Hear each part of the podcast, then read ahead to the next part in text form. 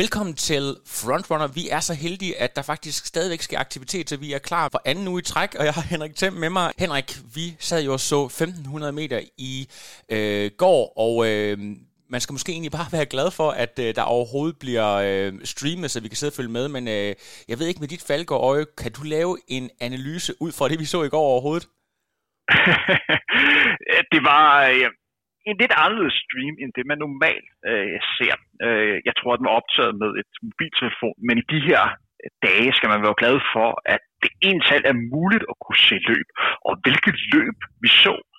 Der var fem danskere, der løb under EM-kravet indendørs på 1500 meter. Det vil altså sige fem løber, der kom under den her magiske grænse på 3,45. Og det er altså ens betydende med, at man løber hver eneste omgang under 30 sekunder. Det er altså det er rigtig, rigtig godt, og det hører til sjældenhederne, at vi ser et løb på dansk jord, hvor man løber så hurtigt. Jeg havde på forhånd regnet med, at der var fire danskere, øh, der kom under, men jeg er også kendt som en, der er rigtig, rigtig optimistisk. Så fem, det var, det var virkelig imponerende. Henrik, nu, jeg prøver at afbryde dig her. Jeg ved, du har lavet en øh, analyse af, af de fem hurtigste løbere her, men, men sådan som novisen ud fra, så stiller jeg dig lige et spørgsmål her, fordi øh, jeg havde måske på forhånd troet, at øh, jeg vidste jo sådan fra foråret, at, at nogle af de her UH for eksempel har været nede og løbe øh, altså under øh, under 340, og Michael Jonsen, altså vi har nogle virkelig hurtige tider, så blev jeg så efterfølgende gjort opmærksom på, at øh, altså, hvad man sådan kan forvente i, i midten af sommeren, og så så tidligt på sæsonen. Altså der er det her spring på, på en del sekunder alligevel. Øh, der er forskel på, om man ligger og konkurrerer i, øh, i januar, og så ligger og konkurrerer i, øh, lad os sige, juli og august. Meget af det afhænger også af, hvad for en type løber man er, og hvordan man tilretlægger øh, sæsonen. Og så skal man også være opmærksom på, at der er forskel på at løbe indendørs, og så løbe øh, ude på, på banen. Når man løber indendørs, så er der altså en 200 meter bane, man løber rundt på, og det vil sige, at der er lidt flere sving, end der er på, øh, på en 400 meter bane. Så der er nogle øh, type løbere, der traditionelt bliver øh, udfordret, når de løber indendørs. Nogle er også rigtig gode rent teknisk til at kunne, øh, kunne løbe på sådan 200 meter bane. Hvis man går ind og kigger på verdensranglisten og på de bedste tider, så ser man et billede af, at folk generelt løber hurtigere udendørs, end man gør indendørs. Men der er nogen, som rent teknisk har en løbestil, så som gør, at de præsterer godt på den her 200 meter bane. Det siger lidt til selv, at der ikke er noget øh, vind, når man løber på den her indendørs bane. Øh, og det er jo selvfølgelig en, en fordel. Øh, men svar på de spørgsmål, jeg tror også, det man lidt så i går, det var, at der var en, en del løber, øh, som nok har en, en større kapacitet øh, end det, som de, de, de viste i går. Men allerførst så galt det om at komme under EM-kravet på 3,45 og sikre sig, at man har mulighed for at komme med til, til Europamesterskabet. Så øh, det må være første skridt at kvalificere sig, og så derefter kan man så begynde at, at tænke på, kan jeg komme til at løbe endnu stærkere? Og det vil være oplagt at sådan en som Michael Jonsen, øh, Mikkel Dahl og, og Christian Ulbjerg. Måske allerede tænker, hmm, har jeg mere i tanken efter i går? Ja, altså vi skal lige tale lidt mere. Vi talte jo lidt om øh, corona og sikkerhed sidste gang. Det kan være, at vi lige skal kort ind på det igen.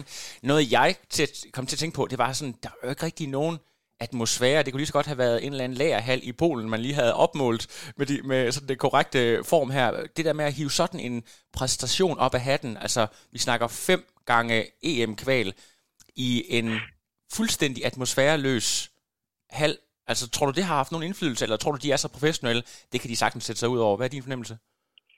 Jeg tror, mange af de her løber her er jo vant til at træne og sætte sig op, øh, og især præstere rigtig, rigtig gode træningspas, øh, hvor der ikke er særlig mange mennesker.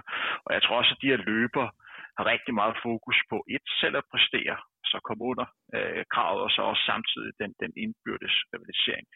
Det vil selvfølgelig altid være en fordel, hvis der står øh, 10.000 mennesker, der står og, og jubler hele vejen igennem, men det hører også generelt til sjældenhederne, man har det ved, ved danske stævner.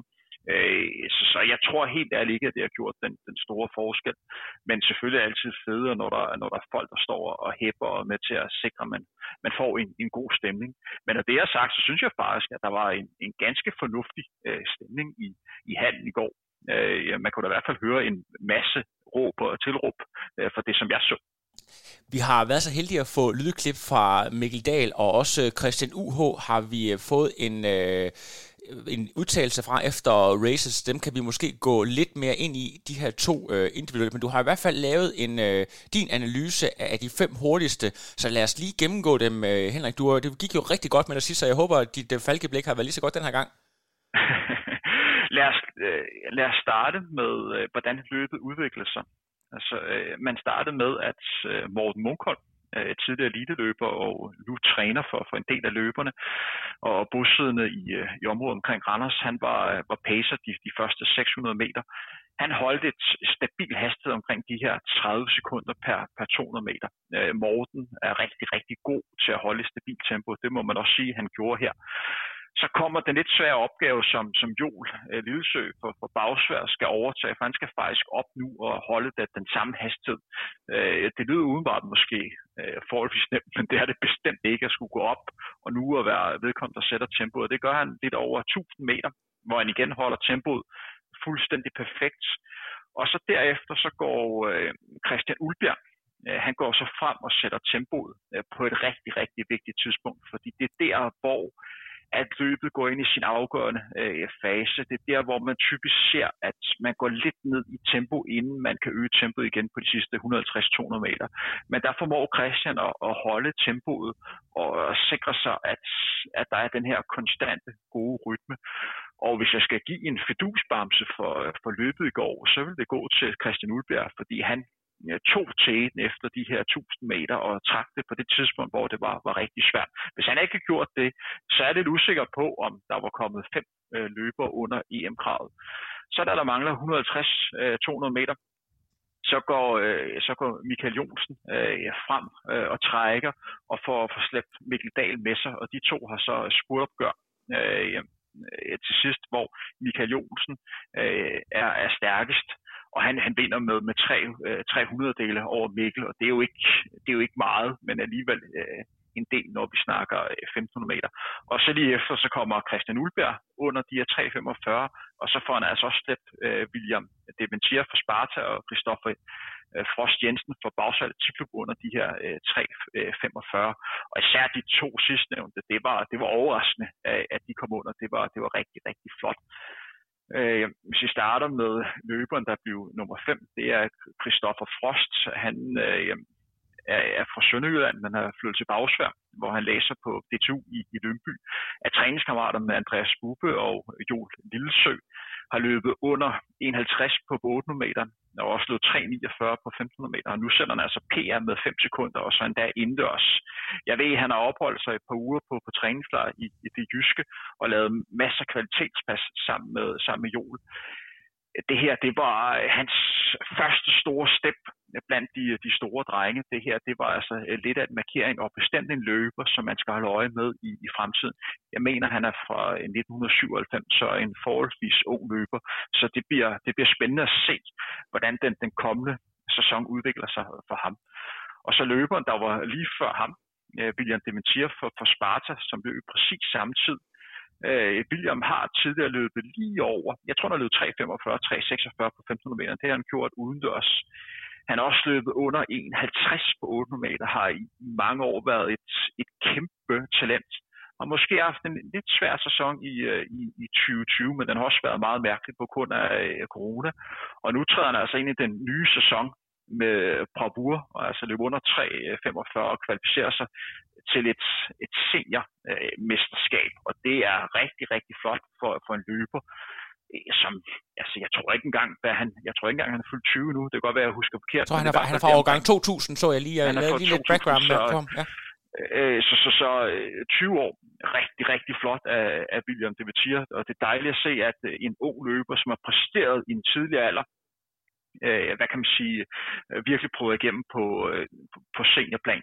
De to løber har også et perfekt løb, fordi i princippet handler det bare om for dem at hænge på hele vejen igennem.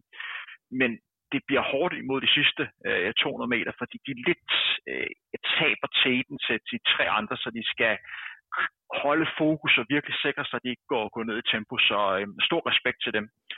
Og så øh, på tredjepladsen kom Christian øh, Ulberg, han løber 3.44.5 øh, og kommer altså dermed under med lidt, lidt øh, eller et halvt sekund kommer han under.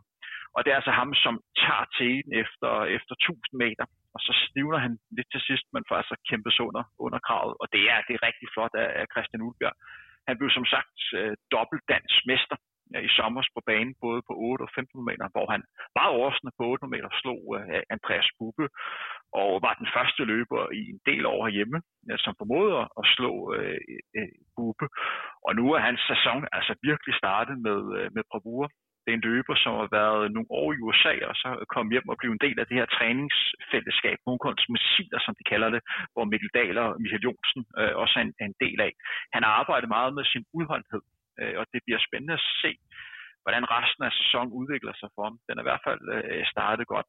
Jeg tror godt, at der kan ligge nogle gode tider og, og vente på ham. Det kan sagtens være, være tider, som øh, kan ligge og øh, ja, vi kan snakkens ligge og snakke 3.36, 3.37, 3.38. Han har kapaciteten til det, så det bliver, det bliver spændende at følge.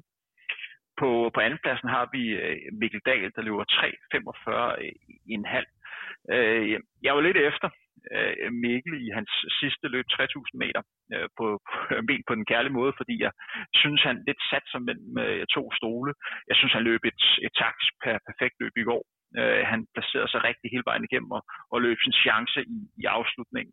Jeg tror stadigvæk, Mikkel har, har mere i sig, og jeg glæder mig rigtig meget til at se, om det er 3000 meter øh, mod jul i, i Frankrig på, øh, på lørdag.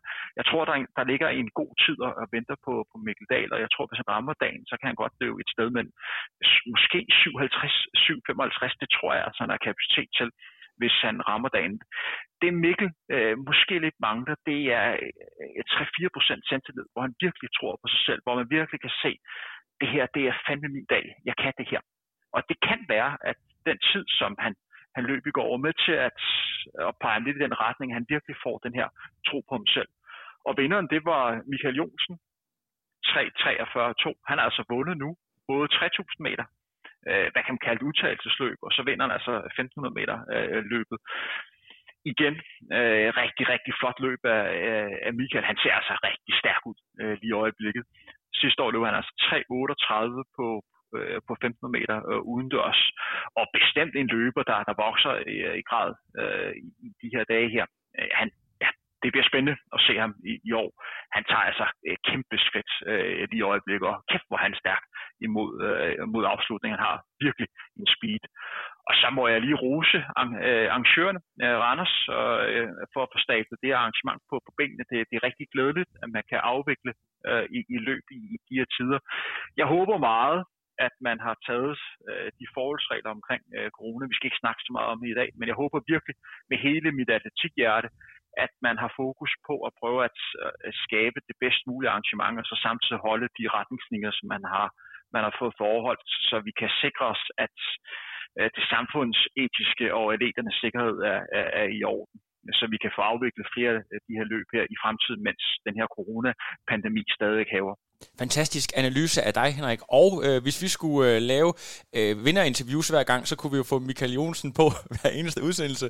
Så vi har valgt at ryste lidt for ligesom at høre, hvad nogle af de andre går og laver. Og, og øh, Mikkel Dahl, han har været så sød at indtale en øh, lydbesked til os, som vi smider på lige her.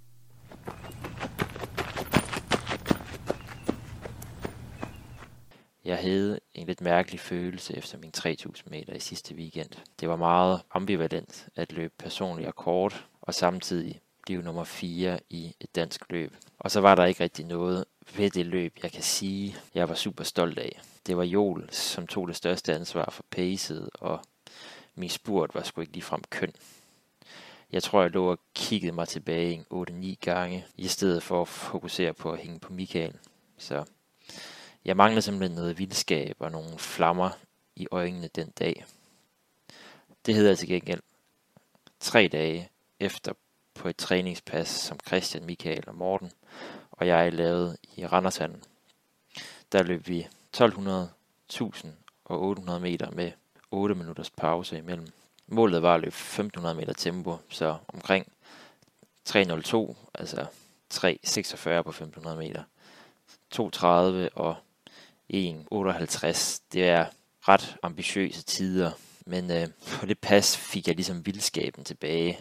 Det var mig, der pressede os til at løbe 2,59 på 1200 meter, og 1000 meteren fik jeg faktisk skubbet Michael til side, da det var hans tur til at trække. Og vi endte med at løbe 2.28 og 1.56.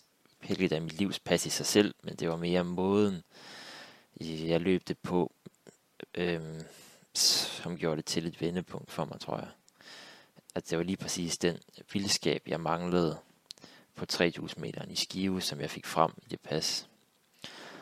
Og jeg tror, mentaliteten fra det træningspas fik jeg med over i mit 1500 meter løb i går. I det løb, der kiggede jeg mig heller ikke tilbage en eneste gang.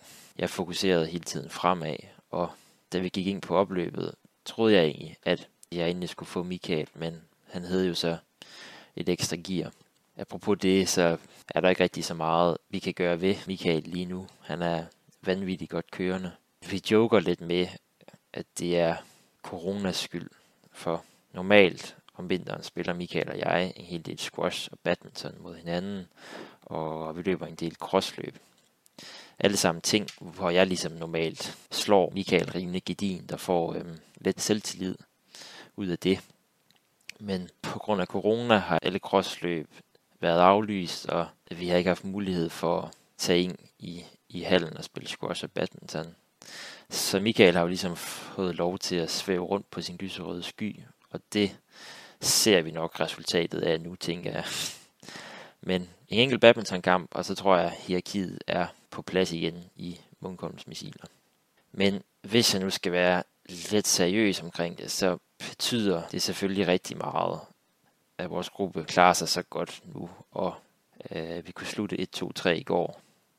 Vi bruger rigtig, rigtig, rigtig meget tid sammen, så hvis ingen af os hænger med skuffen, og ikke løber så godt, så går det også alle på. Altså vi har lidt en, en for alle, alle for en mentalitet i gruppen, og jeg synes jo, det er fantastisk, vi ligesom har det sammenhold i en egoistisk sport som løb. Jeg synes også, man kan mærke på Morten, at, at han ligesom har fået mere ejerskab over det her projekt. Han er der bare hele tiden med massage, råd, pacing på intervaller og i konkurrencer som i går, opbakning, når, når tingene ikke lige kører.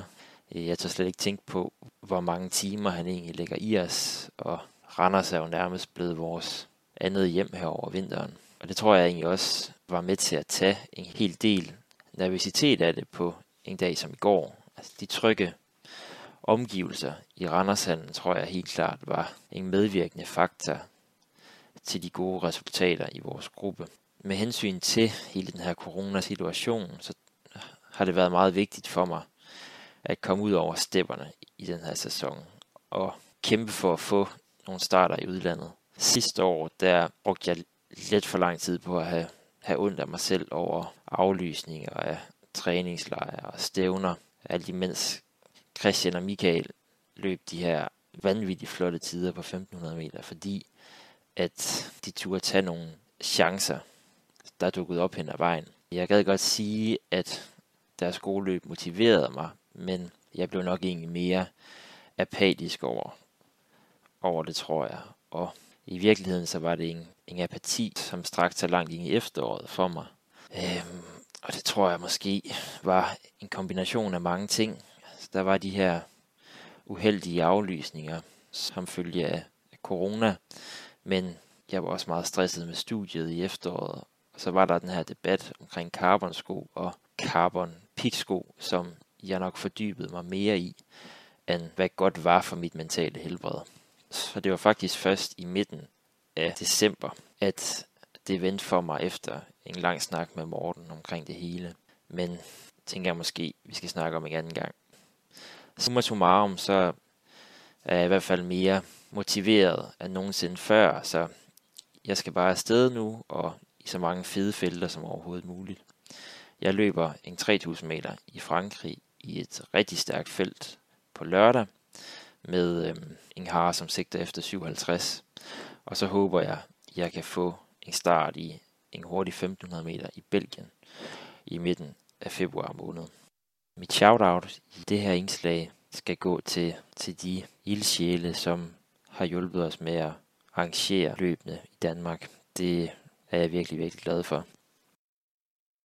Vi er tilbage igen, Henrik, og øh, vi talte lidt øh, sidst om det der med, at Mikkel Dahl, eller han skriver det faktisk også selv på, på, på bloggen, at han ikke var helt tilfreds med sin øh, afslutning. Øh, det var måske lidt svært at se, men hvad var det helt præcis, at han gjorde rigtigt i, i det her løb, der fik det til at lykkes for ham, at han faktisk var, var meget, meget tæt på at, at lave dødt løb med Michael Jonsen i front? Øh, han virkede lidt mere selvsikker, og han holdt sig den. Øh, nu kender jeg jo ikke hans taktik. Øh, det har jeg ikke snakket med ham øh, endnu. Og, øh, men altså, som det så ud for mig, så havde han valgt øh, en løsning, der handler om, at nu hælder han om at, at hænge på, og så når der mangler 150-200 meter, så må jeg se, hvad der er i, i tanken, og prøve at løbe med om sejren. Øh, og jeg synes, han holdt sig til den plan hele vejen igennem, og, øh, og var tæt på at slå øh, Michael Jonsen øh, til sidst, øh, og, og løber et, et flot taktisk løb, hvor han ikke ligger og svæver ude i bane 2 øh, eller bane 3 på nogen som helst tidspunkt øh, på det her 15 meter, som kan med til at distrahere lidt, lidt, lidt for rytmen. Så jeg synes, han, han løber rigtig klogt og får tanket lidt øh, selvtillid. Øh, så, så det var bestemt et løb, som peger i den rigtige retning for Mikkel, som har et, et rigtig stort øh, kapacitet, hvis han rammer den. Du, du nævnte i sidste udsendelse, at øh, Mikkel Dahl muligvis er den af de her atleter, der har det højeste topniveau. Det stussede jeg lidt over, fordi jeg tænkte, hvordan kan Henrik Thiem vide det? Og så var jeg inde og læse på Mikkels blog, hvor han faktisk skriver, at han i de her 14 dage har lavet noget af det bedste træning nogensinde. Mikkel er jo i midten af 20'erne nu, men altså ikke siden han var 17 år og lå og lavede intervaller med legendarisk Andreas Bube øh, ikke Bube, undskyld, Andreas Bueno selvfølgelig, fra, fra års 1900, har han lavet så god kvalitetstræning på så højt et niveau. Altså det der med, at han ligger og næler øh, noget af karrierens bedste træning lige nu, altså hvad, hvad fortæller det os, og hvorfor tror du, at det er lige nu, at, at, at tingene de går op i en højere enhed? Øh, først og fremmest har han haft en, en længere periode, hvor han har været øh, skadesfri. Øh, Mikkel brød igennem i en forholdsvis tidlig alder, hvor han løb nogle imponerende øh, tider sammenligning med Andreas Bube og Oplagt. De er begge to fra, fra Silkeborg. Øh, ah, du, du mener Bueno? Øh, hvad, hvad sagde jeg, undskyld? Du sagde Bube. Øh, det, det, Nå, jeg kom til at lave samme fejl. Ja, ja, men det er, det er Bueno. Ja. Øh, jeg mener, de er begge to for, øh, for Silkeborg omegnen. Og øh, er begge to øh, løber, der er født med giga øh, talent. Og begge to løber, som har, har vist et rigtig højt niveau uden den, øh, den store træning.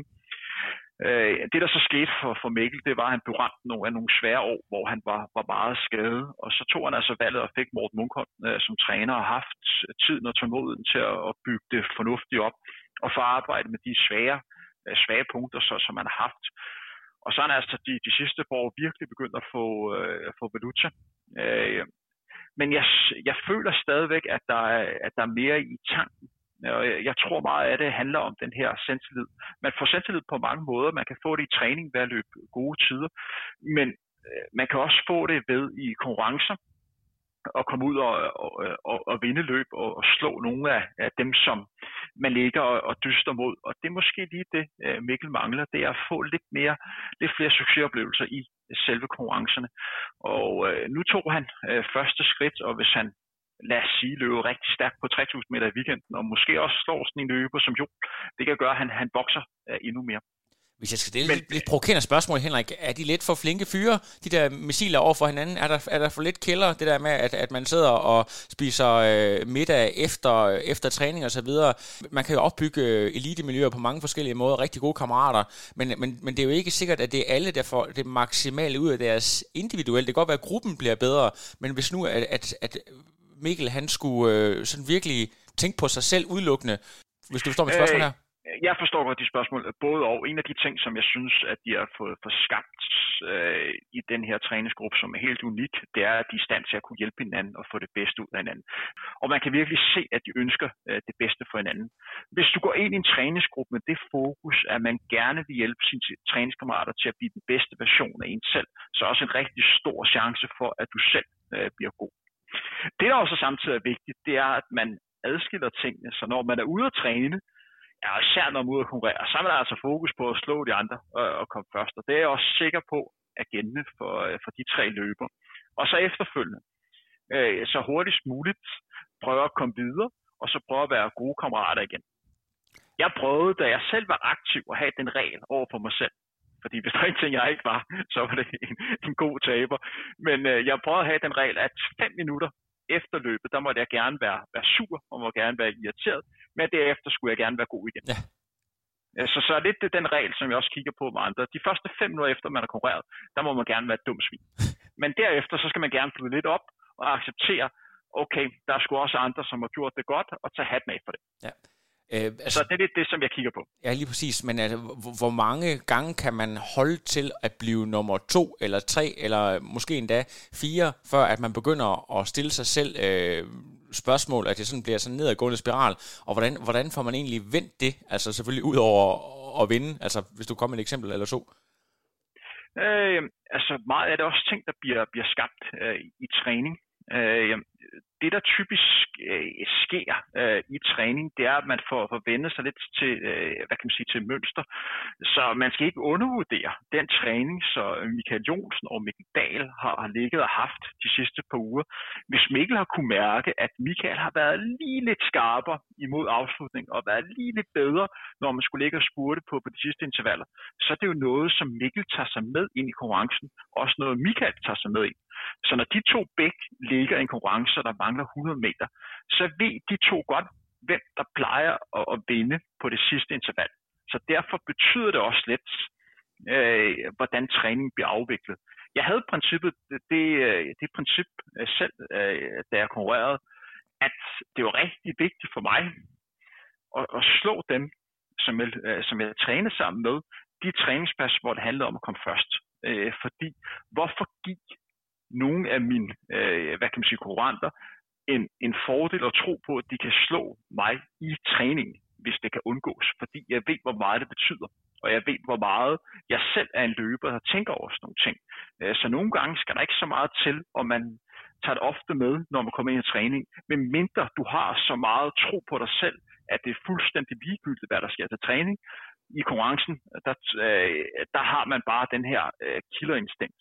Og jeg tror sådan en løber, lad os sige, uden at, uden at være sikker på det, men jeg kunne forestille mig sådan en løber som, som Joel, jeg tror, det er lidt ligegyldigt, hvad der sker i træningen frem. Jeg tror, han har så meget selvtillid, når det kommer til konkurrence, at der skal han sgu nok øh, vise, hvem der, hvem der er chefen, uagtet hvad der sker til træning, fordi han har den her virkelig store selvtillid, og det tager så tid at bygge op.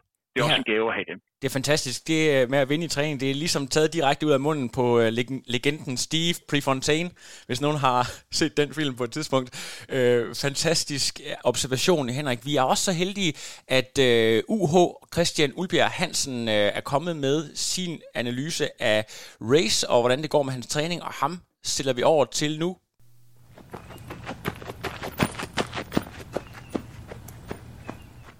Christian Ulbjerg Hansen blandt venner, kendt som UH.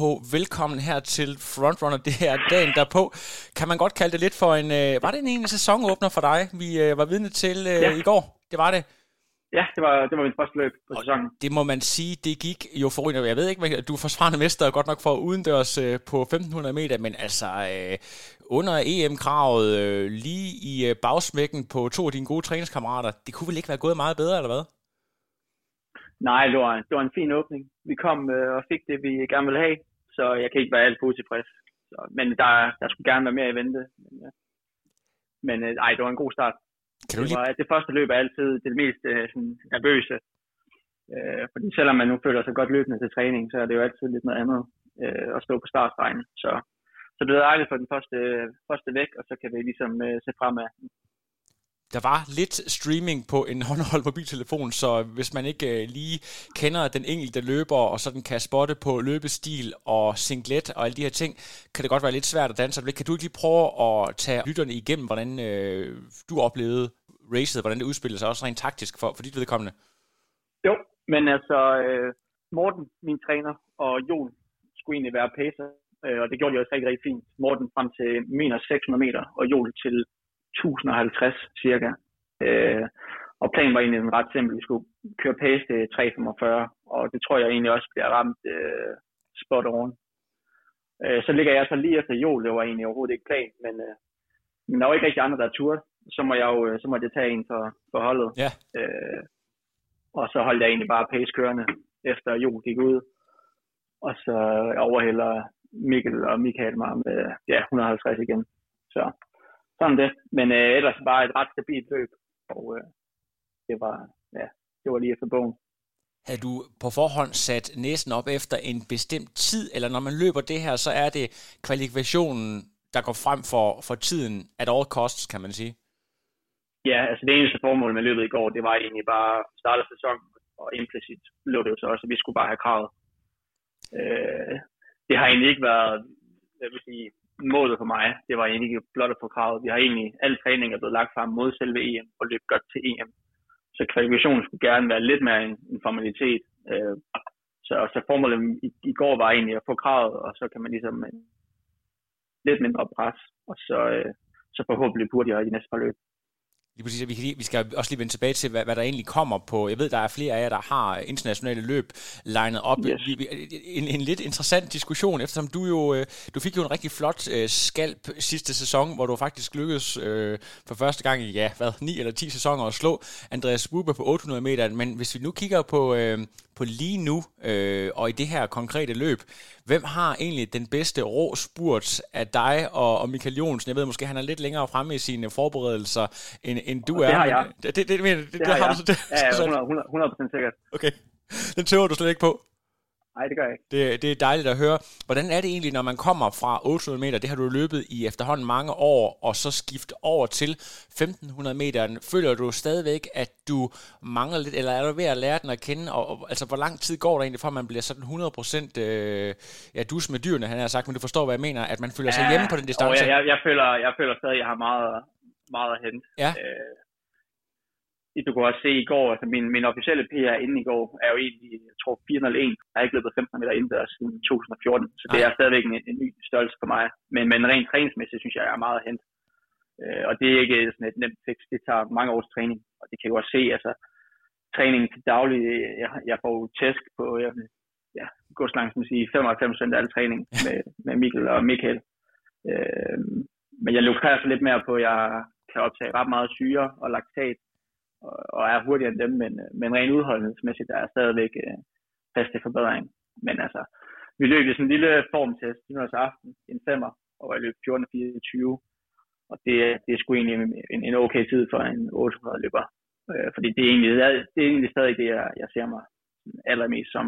Øh, den der transition, det, det tager mange år, før den for alvor spiller, selvom det er jo selvfølgelig er 500 meter, jeg satser på. Ja, det er meget, meget spændende. Hvordan betyder det egentlig for dig, at uh, I bliver 1, 2 og 3 missilerne der, at, uh, at det ikke bare er dig selv, der har et godt løb, men uh, I rent faktisk også lige får lavet en lille podium sweep magtdemonstration? Jo, det er, det er, det er selvfølgelig det er fedt. Så cementerer vi igen, at vi er en, ja, Danmarks bedste uh, mellemstangsgruppe. Ja. Så det har jeg det da helt, helt fint med. Det, det skal der ikke uh, herske nogen tvivl om. Um, så det, er, det var et ekstra, ekstra krømmel på, på, på en god kage. Jeg kan, se, jeg kan se, jeg, jeg tror, vi har talt om det før, Christian. Det der med, at du repræsenterer Randers Freja, hvad, øh, hvad skyldes det helt præcist i forhold til, der er flere af missilerne, der løber for, øh, for AGF for eksempel, og du, du er også selv bosiddende i Aarhus. Hvad, hvad er sådan yes. Øh, bevæggrunden for at repræsentere Randers? Jamen, jeg er jo øh, Aalborg-dreng. Nemlig? Øh, har været det øh, ind til benet men, øh, men corona har taget hårdt på klubben, så, øh, så man skulle ligesom, øh, for at fuldføre en satsning, skulle der kigges andre veje. Og så i og med, at, at Morten han bor jo dagligt i Randers, og har generelt trænet meget i Randers, øh, så var det også dem, som, som jeg var foretræk, i og med, at de også var, var rigtig villige i at gerne ville mig, og øh, kunne, kunne lave et godt setup frem mod øh, ja, en så god satsning som overhovedet muligt.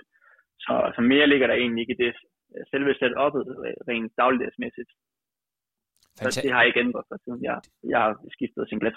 Jeg er stadigvæk i Aarhus, øh, men jeg er selvfølgelig mere i Randers, især indendørs, fordi det er jo øh, Danmarks bedste hal, så, så den, den bruger vi også lidt i. Jeg ved, du blev færdig med at studere. Vil det sige, at du løber på fuldtid nu og kan få, være fuldstændig dedikeret til din træning? Ej, ikke helt. Det, er, det kan jeg sgu ikke. Øh, jeg er også lærervikar siden af. Ja. Øh, og det er altså online undervisning, eller hvad sker der?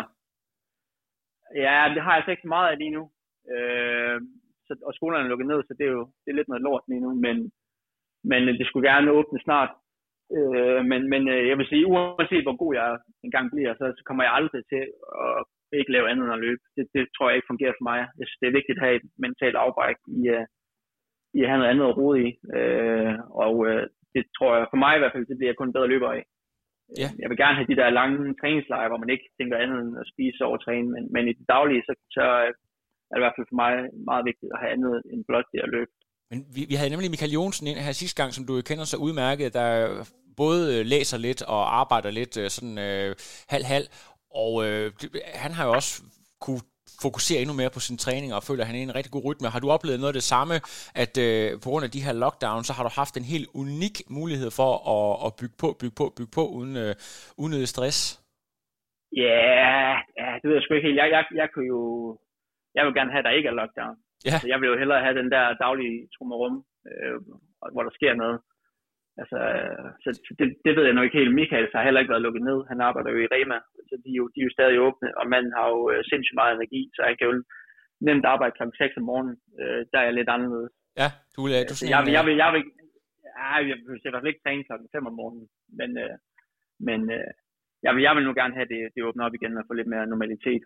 Du er ligesom Dan Tyrell, mest af alt holder jeg af hverdagen, som han, øh, han er ja. citeret for at sige.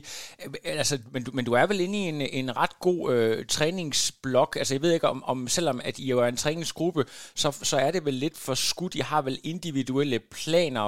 Altså, hvor, hvor, øh, hvor tæt er du på øh, det, du vil kalde for din topform lige nu? Nå, det tænker jeg er cirka en måned. Ja.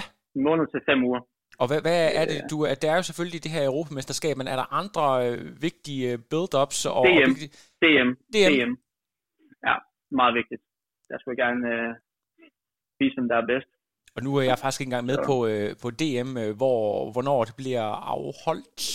Ja, men det er den 21. februar. Øh, I år er det så lidt forskelligt. De har valgt at sprede det ud, så det er overhovedet muligt at, at løbe. Så de egentlig spredt stævnet ud på, på både at være i Randers og Aarhus og Odense, hvor at øh, 1500 meteren, den er i Randers, men det hedder lørdag den 20.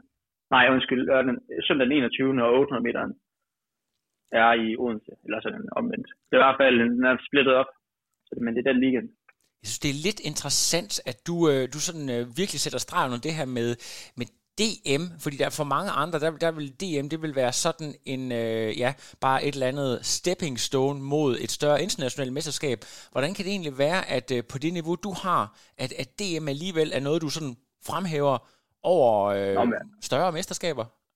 Det, det er fremhæver ikke over større mesterskaber. EM er det helt vigtigt. Ja, okay. Men derefter kommer DM, okay. og jeg synes, det er tider, det er en ting. Titler, det er noget helt andet. Det er ja. dem, man husker på. Ja, lige præcis. Øh, tider, tider, de er til for at blive slået. Ja. Øh, så der, jeg vil hellere have medaljer, end at bare løbe hurtigt. Det er så fedt. Sidste sæson, der var det kun sko, vi snakkede om, og nu er det jo øh, sådan i forhold til corona og sikkerhed, når man dukker op i sådan en hal. Var det noget, du overhovedet skænkede en tanke, den der risici, der altid er forbundet med og, og møde op. Selvfølgelig så er det jo, hvad hedder det, som eliteudøver, så er der jo ikke noget at komme efter. Der er nogle lidt andre regler, end den er for, for den almindelige befolkning, men, men, men risikoen er der jo stadigvæk. Er det noget, du overhovedet øh, spekulerer på, når du stiller op til sådan et, et race som det der, og følte du egentlig, at øh, alt det, det var, som det skulle være?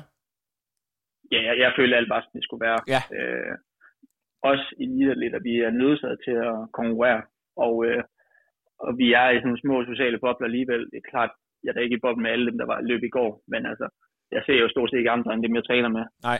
Øh, og der var mundbind, og der var det hele og det andet. Øh, så det, det, det synes jeg er forsvarligt. Øh, nu har jeg lige fået en mail om alle de restriktioner, der er i forhold til det næste løb, jeg skal løbe. Ja. Og det, det, der, der ligger der en del flere, øh, der skal vi jo fandme testes fire gange inden for 48 timer, for at få lov til at stille op. Men, men der er det også internationalt stævne, øh, så det er noget andet. Men øh, jeg synes, jeg synes sagtens, det er forsvarligt, at vi løber en lille gruppe øh, i går. Og, altså, det var jo også magtantal. Øh, jeg ved, der var Jakob Dybdel var på venteliste og ja, kunne ikke komme ind. Så vi holder, vi holder jo også øh, øh, max limit. Det var ikke, fordi det var åbent for alle. Der var, der var du ved, første mølle af de bedste. Ja, lige præcis. Tror du egentlig bare, at det, det har jeg faktisk tænkt lidt over, kunne det have betydet noget for dit løb, hvis øh, Jakob Dybdal, der også er i utrolig giftig form, havde været med? Kunne gruppen have løbet hurtigere? Kunne uh, top 3 have set anderledes ud? Altså nu er det jo så kontrafaktisk historie. Nå, men det har da altid været fedt at få, øh, få de bedste med, men øh, jeg bilder mig ind, han er i hvert fald ikke gået i top 3. så. ja, så fik vi lige sendt den der sted også. Det er fantastisk, uh, Christian. Jeg, vi skal det, ved jeg, det ved jeg, han godt kan tage. Ja, det kan han sagtens tage. Han har, jeg har skrevet en lille smule med Jakob indtil jeg fandt ud af, at uh, alt, hvad han siger, er ironisk, eller i hvert fald, man skal lige regne med, at det Ja, du, du skal lige tage det, han siger med Grantal. Ja, det er fantastisk humor. Det næste løb, du skulle løbe i internationalt, er det, er det Tyskland, Belgien? Hvor er det henne? Yes, Tyskland og Belgien. Ja, Øh, jeg løb den 7. i Dortmund, og den 13. i Gent. 1500 meter, begge to. Det er 1500 meter, og er det, er det sådan lidt, yes. øh, er, det, er det med egne ambitioner, eller er, det, er der nogle aftaler i gruppen om, at du skal lave noget arbejde? Sådan, hvad, kan du Nej, jeg, jeg, skal, jeg, jeg skal sige ikke lave en skid. Der det... skal jeg bare... Øh, nu, er det, nu er det min tur til at ligge og lukrere på de andre. Og jeg elsker øh, det, dit Aalborg-accent, der lige slår igennem det. Det er fedt. Nej, nej jeg skal, jeg skal, nu, skal, nu er det min tur til at ligge og, og lure pas. Ja. Så gå fra dem til sidst. Ja, det er fantastisk. Det er planen. Nej, Michael skal også løbe øh, begge steder, faktisk. Ja, Så, øh, der bliver noget krig på kniven. Selvfølgelig. Fantastisk. Og øh, er, er, der nogle, øh, er der nogle store øh, sådan A-liste navne, man, du aldrig har løbet før, du glæder dig til at og sådan øh, rub shoulders Jamen, jeg, har, jamen, jeg har ikke fået startlisten endnu, men øh, altså, jeg kan se ud fra for eksempel 800 meter, det er de bedste i verden, der er med. Og øh, det er det også lyder missionen på 1500 meter. Så jeg er lidt spændt på at finde ud af, hvad, hvad pace egentlig er til. Men, øh, men der er jo gode point på spil, og det er jo sådan set også det, der er det vigtigste i forhold til at komme ud og konkurrere. Det er jo den her ranking-system, Ja. øh, hvor man samler point sammen til. Øh, og det er, det er et ret højt ranket stævne, så, så det er jo øh, det er vigtigt at få en god placering. Øh, jeg vil næsten sige, så er tid jo faktisk det næst vigtigste. Men øh, jeg har da selvfølgelig en ambition om at ja, løbe hurtigt, end det jeg gjorde i går. Alt andet vil være en, Ja. en fadese. Og vi skal, vi skal lige være helt med på, hvordan er det, din, din personlige rekord ude er på... 339. Det er 3,39, og, din, øh, og nu den hedder så 3,43, eller 3,44? 44. Yes. 3,44. Så jeg er ind, indendørs altid langsommere end udendørs. Ja. Øh, men, men altså nu skrev jeg også med Andreas Bueno i går efter løbet. Man sagde, det var pænt af mig ikke at tage hans tid endnu. Så det er da klart, den, er, den har jeg lidt øh, Den er i kigger. tankerne. Han, han, han har løbet 3.42, jeg mener, han har løbet 3.42,5. Det har ligesom været sådan et af målene øh, indendørs.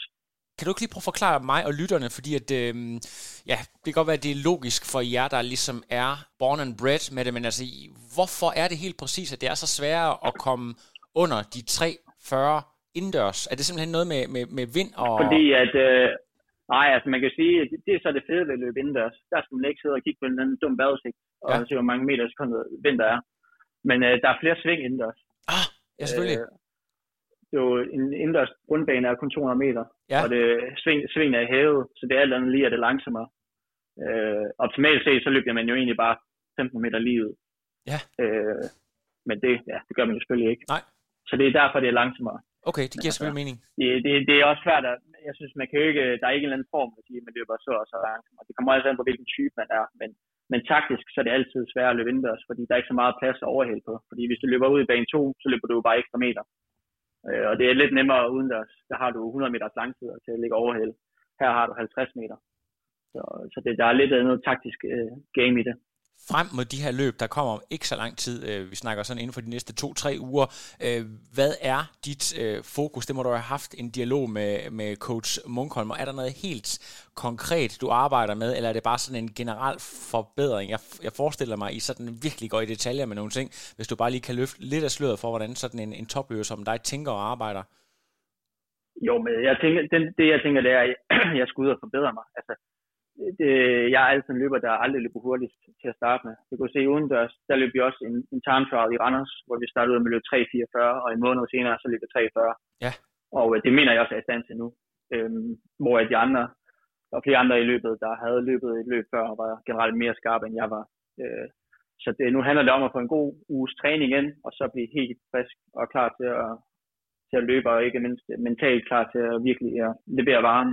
Øh, for der er jo ikke så mange skud i den her corona-situation, så, det er med at levere, når man så får muligheden. Ja, og jeg kan fortælle dig, at øh, ikke fordi, at vi er spormænd herinde på Frontrunner, men jeg tror, at Henrik Thiem mente, at du øh, i hans optik i hvert fald havde niveauet til at komme ned i nærheden af tre 36, 37, altså snakker vi selvfølgelig udendørs på et tidspunkt, så der skulle i hvert fald være mulighed for at, at bygge, øh, bygge på. Øhm, potentialet ja. er der 100%, og fedt at høre, at der Ja, også er, er, er, er selvtillid, øh, den er i orden. I forhold til sådan, øh, ved vi aldrig, hvad der kommer til at ske, mesterskaber, hvordan i hele OL, satsningen og så videre, hvordan ligger du egentlig der? Jamen altså, øh, de har jo de lukkede jo ned fra kvalperioden hele sidste år, Ja. fordi de ikke mente, at, øh, at alle skulle have, have lige muligheder for at konkurrere, så derfor lukkede man ned, og så startede man igen op 1. december. Så principielt set, så er alle egentlig øh, starter fra scratch. Nemlig? Og, og så alligevel ikke helt, men det er sådan mere indviklet. Så, så situationen er egentlig den, at, at man skal bruge fem tider, og to af dem, de må være fra indendørs. Så det er det fokus, jeg har nu. Det er at få to gældende øh, tider rent pointmæssigt. Fra indendørs, så jeg i situationstegn kun skal have to eller undskyld, tre gældende resultater uden deres. Ja, så det handler om, at du skal øh, have de, de højst mulige, øh, hvad hedder det, i det her ranking, så du kan, du kan ja. komme med i kvalifikationer, så er der noget, der hedder direkte kval, og bare, lige for lytternes skyld. Ja, men altså, så skal du løbe 3.35. Så er det 3.35, øh, og det er sådan, øh, ja. Ja, og ellers så skal man løbe i top 45, og det kommer til at kræve omkring 1140 point. Og rundt regnet, så løb, kan du få det at løbe 3.38 i et godt ranket løb. Ja. Gode muligheder ser du selv for, at, at det, det, det kan blive muligt. 100%. Ja, det, det er dejligt at høre. Er der nogle, er der nogle bestemte ting, som du øh, gerne vil, vil fremhæve? Der, der er sket interessante ting, siden vi talte sidst. Ja, men nej, men jeg synes, det er bare værd at være glad for, at øh, dansk atletik øh, begynder at levere øh, på mellem lang siden. Det, det har sgu været tørt mange, i mange år. Jamen helt vildt. Det, det er fedt, fedt, at vi har niveauet på, på 15 og, og, og 3000 meter til at, til at være, være med, hvor det er lidt sjovere. Altså, det synes jeg, det kræver også for at flytte niveauet. Øh, før har sådan, så skal du i situationstegn bare klare krav, og så må man med. Ja. Jeg synes, det, det er jo fedt, at man ligesom øh, hæver baren. Det gør os alle sammen bedre. Øh, og det, det, altså, det burde sgu også tage mere end 3,45 for at komme til EM. Eller 8 minutter, for den sags skyld. Så du synes faktisk synes godt, man, jo, kunne, man kunne sænke, man kunne faktisk godt, hvad hedder det? Nej, det er fint. Nej, nej, nej, jeg synes, det er fint, at kravet er, som det er. Men jeg synes, det, det er, det burde ikke være nok. Altså, jeg synes, vi burde have højere forventninger. Altså, ja. På en internationale scene, så kommer du ingen vej med at løbe 3,45 eller 8 minutter. Nej, lige præcis, men det er det, jeg øh, mener. Så, så, er man, så, er man, så er man statister, men det skulle vi jo, det skulle vi jo gerne flytte jo. Så, så du kunne godt, egentlig godt bruge, at man sagde, at den hed 3,43 for eksempel? Nej, jeg synes, det er fint med uh, kravet er sådan der, men så skal man, uh, jeg synes jo godt, at man kan bruge uh, for eksempel DM som et udtalelsesstævne. Ja. Uh, og, og køre model, som man for eksempel gør i, i England, der siger du jo øh, top 2 til, til deres nationals. De ryger afsted, hvis de har kravet. Om de så er 100 del under, det er sådan set ligegyldigt. Men hvis du leverer til deres mesterskab, nationale mesterskaber, så kommer du med. Det, det, den, den model synes jeg godt, man kunne gøre i Danmark. Jeg ved godt, at det er jo næsten aldrig rigtig sket før, at der er mere end tre, der klarer krav. Men øh, jeg synes jo, det er mere end, at, altså, det burde være mere end bare tider, der tager med i den uh, henstilling i forhold til, hvem der skal med. Ja, der kommer noget øh, line, line op på dagen. Altså, det handler om at, at levere, og det er sådan all or nothing-agtigt, ikke? Ja, ja. ja det... Men det, det, det pres, det skal man også kunne stå for, fordi når man så står til DM, så kan du godt smide dine, din tider og din sæsonbedste ud. Altså, det betyder ikke en skid. Ja. Der handler det jo om, at der er der mand til mand, og det er jo tit taktiske løb. Øh, og dem, der nødvendigvis løber hurtigst på sådan en øh, ja, tempoløb, er ikke altid dem, der løber hurtigst i taktisk løb. Og det synes jeg godt, man kan fremme mere ved at køre incitamentet til at, at levere til, til, til, til DM. Føler og gøre du, det endnu mere attraktivt, end det er i forvejen. Føler du egentlig, at kvæg, du har været en del over i, i USA og vant til at træne i det der college-system, college-system at du, du tænker anderledes kompetitivt og mere opmærksom på sådan nogle af de her ting end nogle af de andre. Jeg har aldrig hørt nogen af de andre løbere sådan komme med, med de her udmeldinger. At du egentlig Nå, gerne det er det helt sikkert. Ja? Jeg synes, 100 procent. Altså, jeg synes, det er vigtigt. Altså, vi, det handler om at vinde. Så, så øh, jo, selvfølgelig skal man løbe hurtigt for at komme med til mesterskaberne. Ja. Men altså, jeg synes jo også godt, det skulle være sådan, at når vi så er der, at vi ikke bare er statister. Ja. Øh, så handler det jo om at levere og, og få bedst mulige placeringer. Og jeg synes godt, altså, jeg synes, der er for mange, der bare går op i at løbe hurtigt. Øh, prøv at vinde flere løb, og, og så løber du også hurtigere. Øh, det, det er min generelle holdning. Ah, det er så fedt. Der fik vi lige, jeg fik heldigvis lige trykket på nogle knapper her, så det er lige, øh, det er det, man kalder for podcast gold, Christian. Det skal du sætte med. Yes. Det, er, det er rigtig godt, det er jeg glad for. Øhm, er der, er der flere Jamen, ting? Vi må jo gerne skabe en debat jo. Det er jo ikke fordi, jeg forventer, at alle er enige med mig. Nej. men jeg synes jo godt, at vi skal presse hinanden lidt mere, i stedet for at det hele skal være så politisk korrekt. Det er godt, at man må komme frem med sine holdninger. Det synes jeg nemlig lige præcis også, det er meget, meget stor fortaler for. Din øh, rigtig gode ven og tidligere træner gennem mange år, David Møller, sad jo selvfølgelig med, ligesom mange andre, og så med på Dansk Atletik. Har I to lige øh, haft en, en, en snak øh, efterfølgende? Jeg tror, han var, han var ja, ja, stolt. han var faktisk, han var faktisk øh, i, i Aarhus hos mig øh, mandag aften, altså ja. så løbet.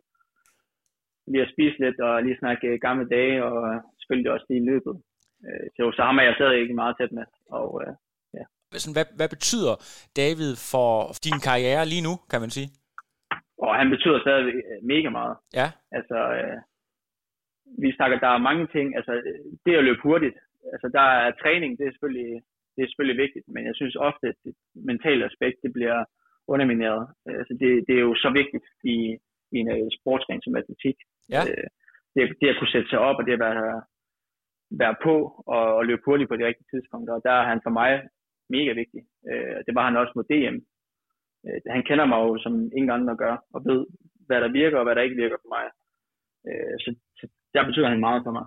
Det er sådan hele mentale aspekt i, i forhold til det at, at levere, når det gælder. Så han er den, den person, der kan sætte dig op, så du har det helt rigtige spændingsniveau før en vigtig konkurrence. Jamen, det, er, jamen, det kan Morten jo også. Det synes jeg også, han er rigtig dygtig til. Og, ja. øh, og han har jo også selv stået der, øh, Morten, til utallige mesterskaber, og han ved, hvordan det selv er. Øh, så jeg synes, men for mig så fungerer den der kombination meget godt. Øh, fordi jeg også har kendt David i ja, 15 år efterhånden. Ja. Så, øh, og han ved lige præcis, hvem jeg er. Og, og ja, har set både det bedste og det værste af mig. Så, øh, så det, den kombination fungerer i hvert fald fint for mig. Det er sindssygt spændende. Det bliver så fedt at følge med. Og hvordan er det nu? Man kan følge med på Instagram, man kan følge med på Facebook, hvis man skal se, øh, hvad du går og laver. Primært Instagram, jeg er også på Twitter. Din handle på Instagram?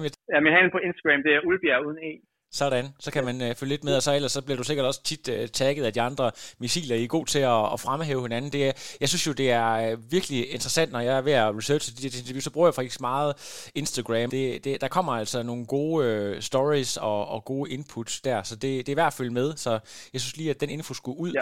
Det er godt, øh, Christian. Øh, stort tillykke med, med EM-kval, og vi glæder os selvfølgelig til at følge med. Og næste gang du, øh, du laver et eller andet stort, eller har noget super kontroversielt, så er du altid velkommen på Frontrunner. Jo, tak. Kan du have en fortsat god dag i Aarhus? Ja, ja lige måde. Lige tilbage.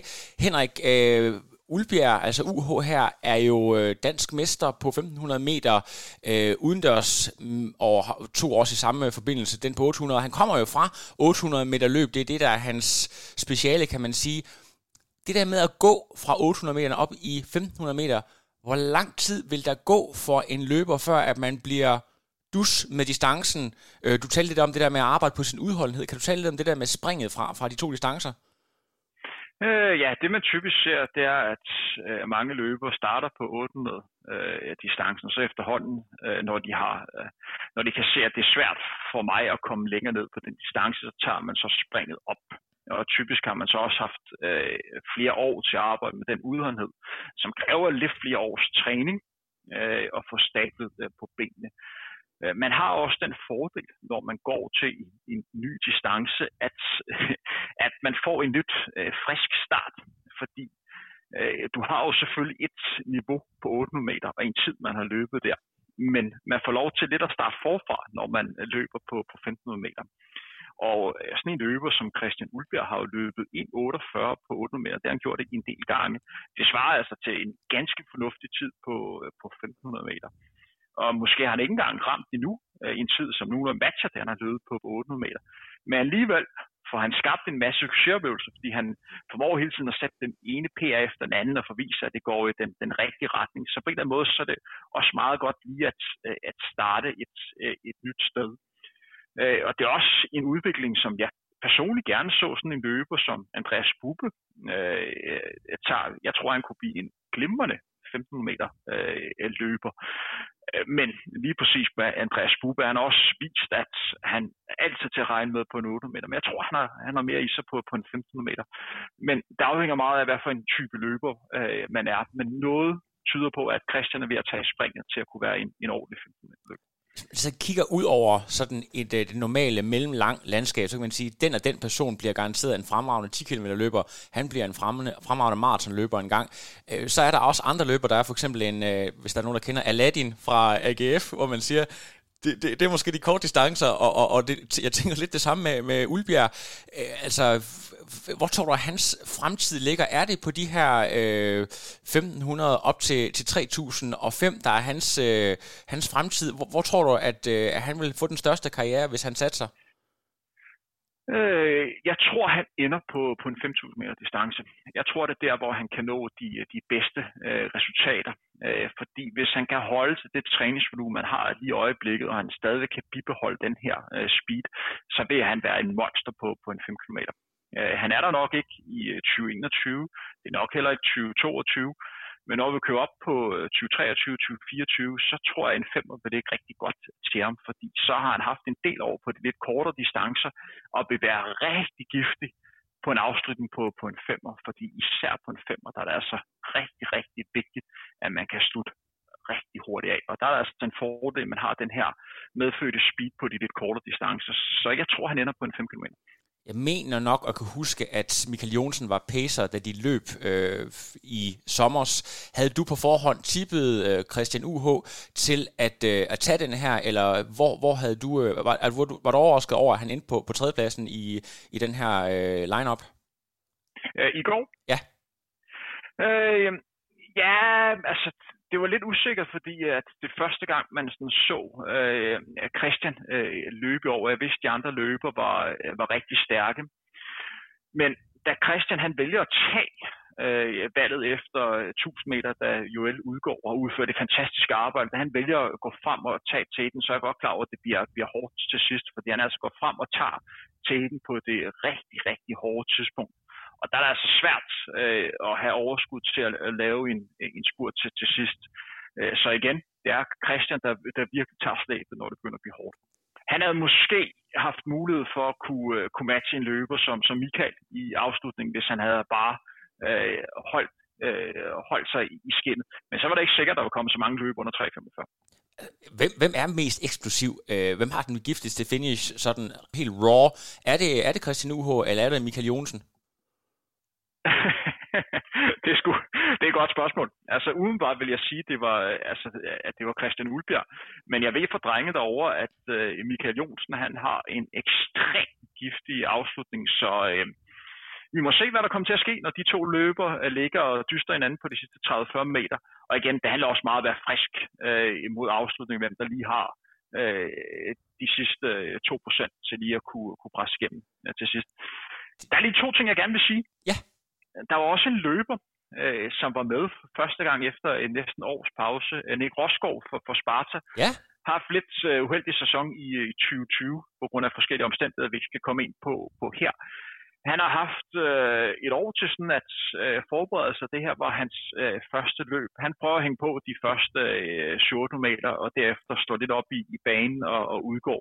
Det var dejligt at se øh, Nick Rosgaard ja, tilbage. Han er virkelig en mesterskabsløber, og når det kører for ham, så har han virkelig så meget power og tro på sig selv, og virkelig en karakter inden for, for løbesport. Så jeg håber virkelig, at han får succes, fordi han er fantastisk øh, at følge, og virkelig en, som kan skabe en masse virak omkring løbet, og sørge for, at det ikke bliver så kedeligt alt sammen, fordi kæft, der er stemning i den regn der. Ja. Så øh, ham vil jeg gerne have lidt mere i gang. Og så lige apropos Aladdin, kan vi ikke få en anekdote omkring Aladdin i det her program? Har vi mulighed for det? Det kan vi. Altså, hvis du, hvis du har, altså det kan være, at, øh, at du har en i hånden, det, så kan det være, jeg, jeg, har, måske, jeg har måske også en. jeg har en god en med Aladdin. Fordi øh, jeg har, apropos 1500 meter, og apropos Aladdin, jeg har overvejet et løb, hvor Aladdin troede, han satte verdensrekord på 1500 meter ja. indendørs.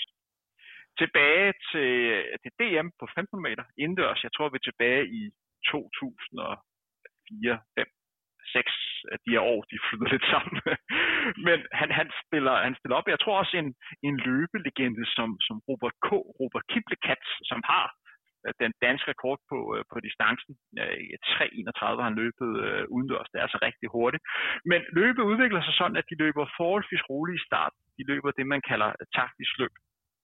Og så da der mangler, øh, hvad kan man sige, 600 meter, så hammer Aladdin igennem.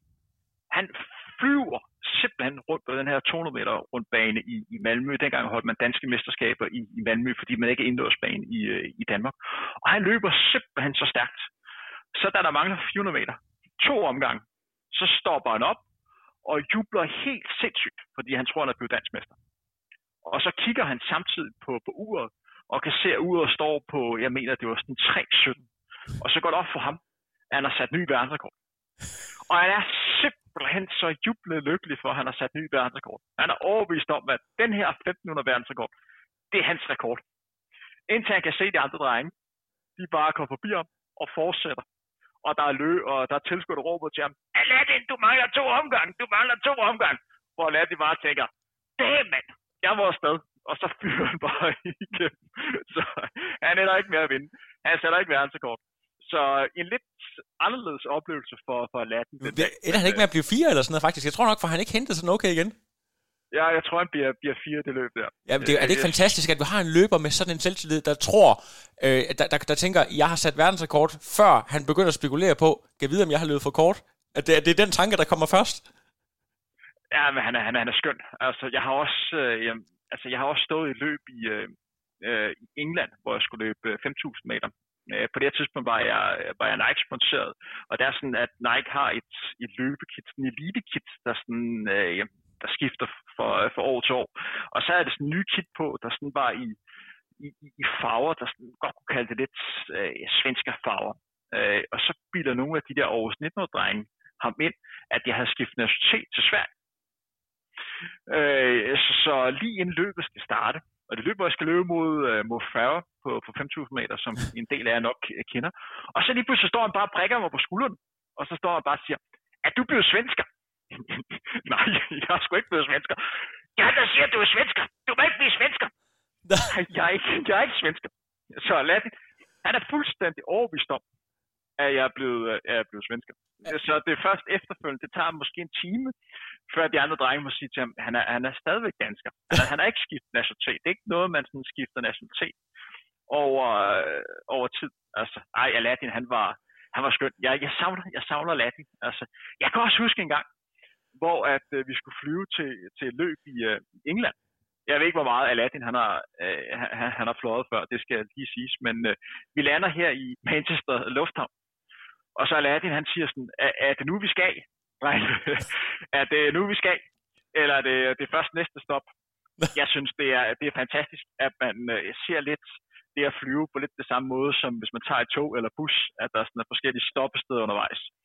Det kan jeg rigtig godt lide. Er fuldstændig igen. Så har han jo også optrådt i uh, legendariske Dagens Mand, hvor han faktisk, uh, jeg tror han lykkedes at få en date i det program der, så sådan en, en meget uh, farverig karakter og Aarhus-legende. Det kan være, vi skal invitere ham i, uh, i podcasten på et tidspunkt til sådan et, et helt solo-interview, for at høre om hans men fantastiske han, historie. Men han havde en løbestil, der var fuldstændig unik. Hæft, han løb flot, Aladdin. Altså, han, han havde den, den billigste øh, løbestil. Øh, altså, det var sådan, øh, det mindede lidt om, øh, øh, om Wilson Kipketer. Altså, vi var ikke helt derhen, men han løb, kæft, han løb flot. Altså, øh, jeg lignede, min løbestil var, øh, altså, det var røv og nøgler i forhold til hans. Altså, kæft, han løb flot, mand. Og folk, er, der, der færdes i Aarhus, har nok set, at jeg tror, Aladdin løb til alt med rygsæk på. Altså, man så ham aldrig gående. Det var altid i løb øh, alle steder hen, så øh, fantastisk øh, karakter. Og, og sjovt, vi lige kan få nogle anekdoter med. Henrik, vi skal lige have sagt øh, farvel og tak. Jeg kan høre på, øh, ikke høre, men se på de sociale medier, at der faktisk er overraskende mange af vores øh, mellemlang løbere, som har planer om at skulle konkurrere i både Tyskland og Belgien. Så det ser alligevel ud som om, på trods af de her restriktioner, at... Øh, at løbekalenderen egentlig ser ud til at køre. Er der nogle bestemte løb, du, øh, du har i kikkerten, som kunne være interessante for, øh, jeg ved, Joel skal, skal løbe i, i Frankrig, tror jeg, og Jonsen og, og Dahl skal vist til Belgien eller Tyskland, mener jeg. Ja, jeg synes, det er helt fantastisk, at vi får de, de danske øh, løbere ude i udlandet. Øh, især når vi har den her pandemi, øh, der haver. Øh, man skal også være klar over, at det er en, en anderledes belastning i de her dage at rejse til udlandet, fordi man skal igennem diverse tests for at få lov til at starte, til start, og der er en lidt større sikkerhedsprocedur, man skal igennem. Men især sådan en løber som, som Jol glæder mig til at øh, se løb 3000 meter. En af de ting, øh, Jol mangler, det er øh, at blive matchet mod øh, løber for resten af verden. En ting er at være, være stjerne i den danske andedam, men nogle gange er det også meget godt at komme ud og, og dyste mod nogle, øh, nogle andre øh, kanoner. Og jeg er faktisk, at det bedste for Jol ville at komme ud og få en gang tæsk. Altså, øh, at komme ud og, og virkelig og få en følelse af, kæft, de andre løber stærkt. Så han har den der sult og komme hjem til at, til at træne endnu stærkere. Altså, fordi øh, nogle gange er det sgu meget godt at få test. Man lærer, øh, man lærer sgu ikke så meget af at, at hele tiden sætte PR og blive god, eller blive bedre. Det er meget fedt, men man, nogle gange så rykker man altså lidt mere, når man, øh, når man får det modgang. Så øh, jeg tror, det vil være godt for hans udvikling. Og så vil jeg også lige sige, at øh, de sidste par dage er der begyndt at komme, få den ene efter den anden interessante løber, som skal løbe halvmarathon i det, der kaldes RAK ja. i de forenede arabiske emirater om 14 dages tid, og der altså ligger et, lineup, line-up, som bliver fuldstændig vanvittigt. Så det kommer vi ind på senere. Den sidste løber, som har meldt sin ankomst, det er Cambora. Og vi har altså alle de løber, som slog Camboras verdensrekord øh, ved halvmarathonløb i Valencia i starten af december, allerede til start. Så der er lagt op til lidt af et løb. Øh, og det viser også bare, at det med, at der ikke er så mange konkurrencer lige i øjeblikket, så når der er nogle konkurrencer, så vil alle løber derhen, fordi folk virkelig gerne vise, at, øh, at øh, de skulle klar og kan præstere. Lige et sidste spørgsmål angående Jol. Øh, kan det ikke passe, at Jol var et sekund fra at sætte øh, Europarekord for sin årgang, og vil det være øh, et mål, tror du, for ham at, at sætte det, hvis han kommer op i et lidt øh, stærkere internationalt felt, og simpelthen tage den fra Jakob Ingebrigtsen? Ja, det ville da være den fedeste besked at sende til Jakob Ingebrigtsen, at øh, jeg har lige nappet din rekord. Det håber jeg, der kommer til at ske på, på jul, og det er der også, det er der også sikker på, at uh, han, uh, han gerne vil. Og uh, altså, jeg tror sgu også, han har, jeg tror også, han har uh, gode chancer uh, for at kunne gøre det. Han løb i hvert fald rigtig, rigtig flot i går, og løber også godt på, på 3.000 meter. Uh, men som sagt, altså, det er anderledes at konkurrere i udlandet, end at konkurrere i Danmark det er ikke øh, vores métier øh, per se, det her med ultraløb og så videre. Der er jo en helt scene for sig selv, og hvis man skal være med på alle distancer, så kan vi, øh, så kan vi lave en helt ny podcast kun omkring det. Men jeg ved, at Hoka, de lavede sådan et, et opstillet løb for at sætte verdensrekord på 100 km landevej. Der skal, man skal lige være opmærksom på, at der er forskel på trail og landevej. Men, men den amerikanske løber der var kun 11 sekunder fra at, at slå rekorden, og vi snakker altså sådan noget 341 per kilometer i 100 km.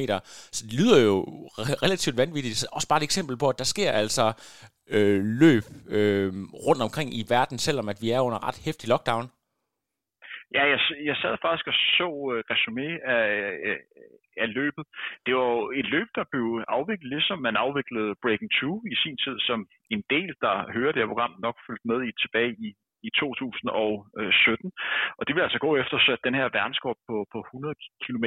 Men alt tilstå, jeg har lidt svært ved at vurdere, hvor, hvor god verdenskort øh, det er. Udenbart virker det altså rigtig, rigtig hurtigt at løbe 100 km i 3.41 øh, i snit.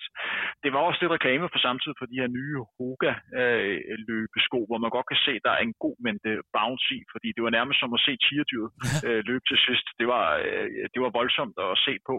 Men var det ærgerligt for ham, han mistede rekorden til sidst. Øh, som jeg kunne se, så ligger han øh, rigtig fint rekorden ind til 80 km, så begynder det at blive lidt øh, hårdt til sidst. Han ligger og løber stabile 5 km spæt på sådan 18.00 til 18.20, og så taber han lidt hastighed og nærmer sig lidt mere end 19 minutter.